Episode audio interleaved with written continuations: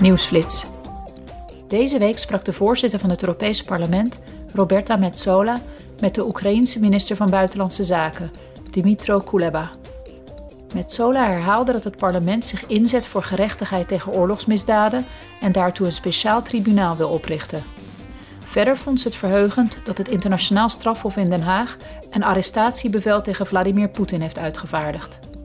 Ook zei ze dat illegaal gedeporteerde kinderen moeten worden teruggestuurd naar hun gezin in Oekraïne.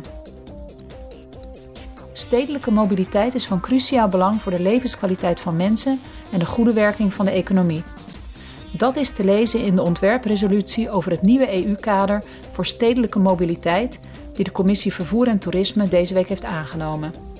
Om koolstofemissies en opstoppingen in steden te verminderen, pleiten de leden van het Europees Parlement voor een overgang naar duurzame vervoerswijzen, zoals het delen van auto's, openbaar vervoer, mobiliteitsopties met geen of weinig CO2-uitstoot en fietsen. De leden van het Europees Parlement vonden verder dat de verkeersveiligheid moet worden verbeterd. Ben je 18 jaar en sta je officieel geregistreerd als inwoner van een EU-lidstaat of een ander land dat is aangesloten bij het Erasmus Plus-programma, dan kun je misschien wel op ontdekkingstocht door Europa dankzij het Discover EU-initiatief.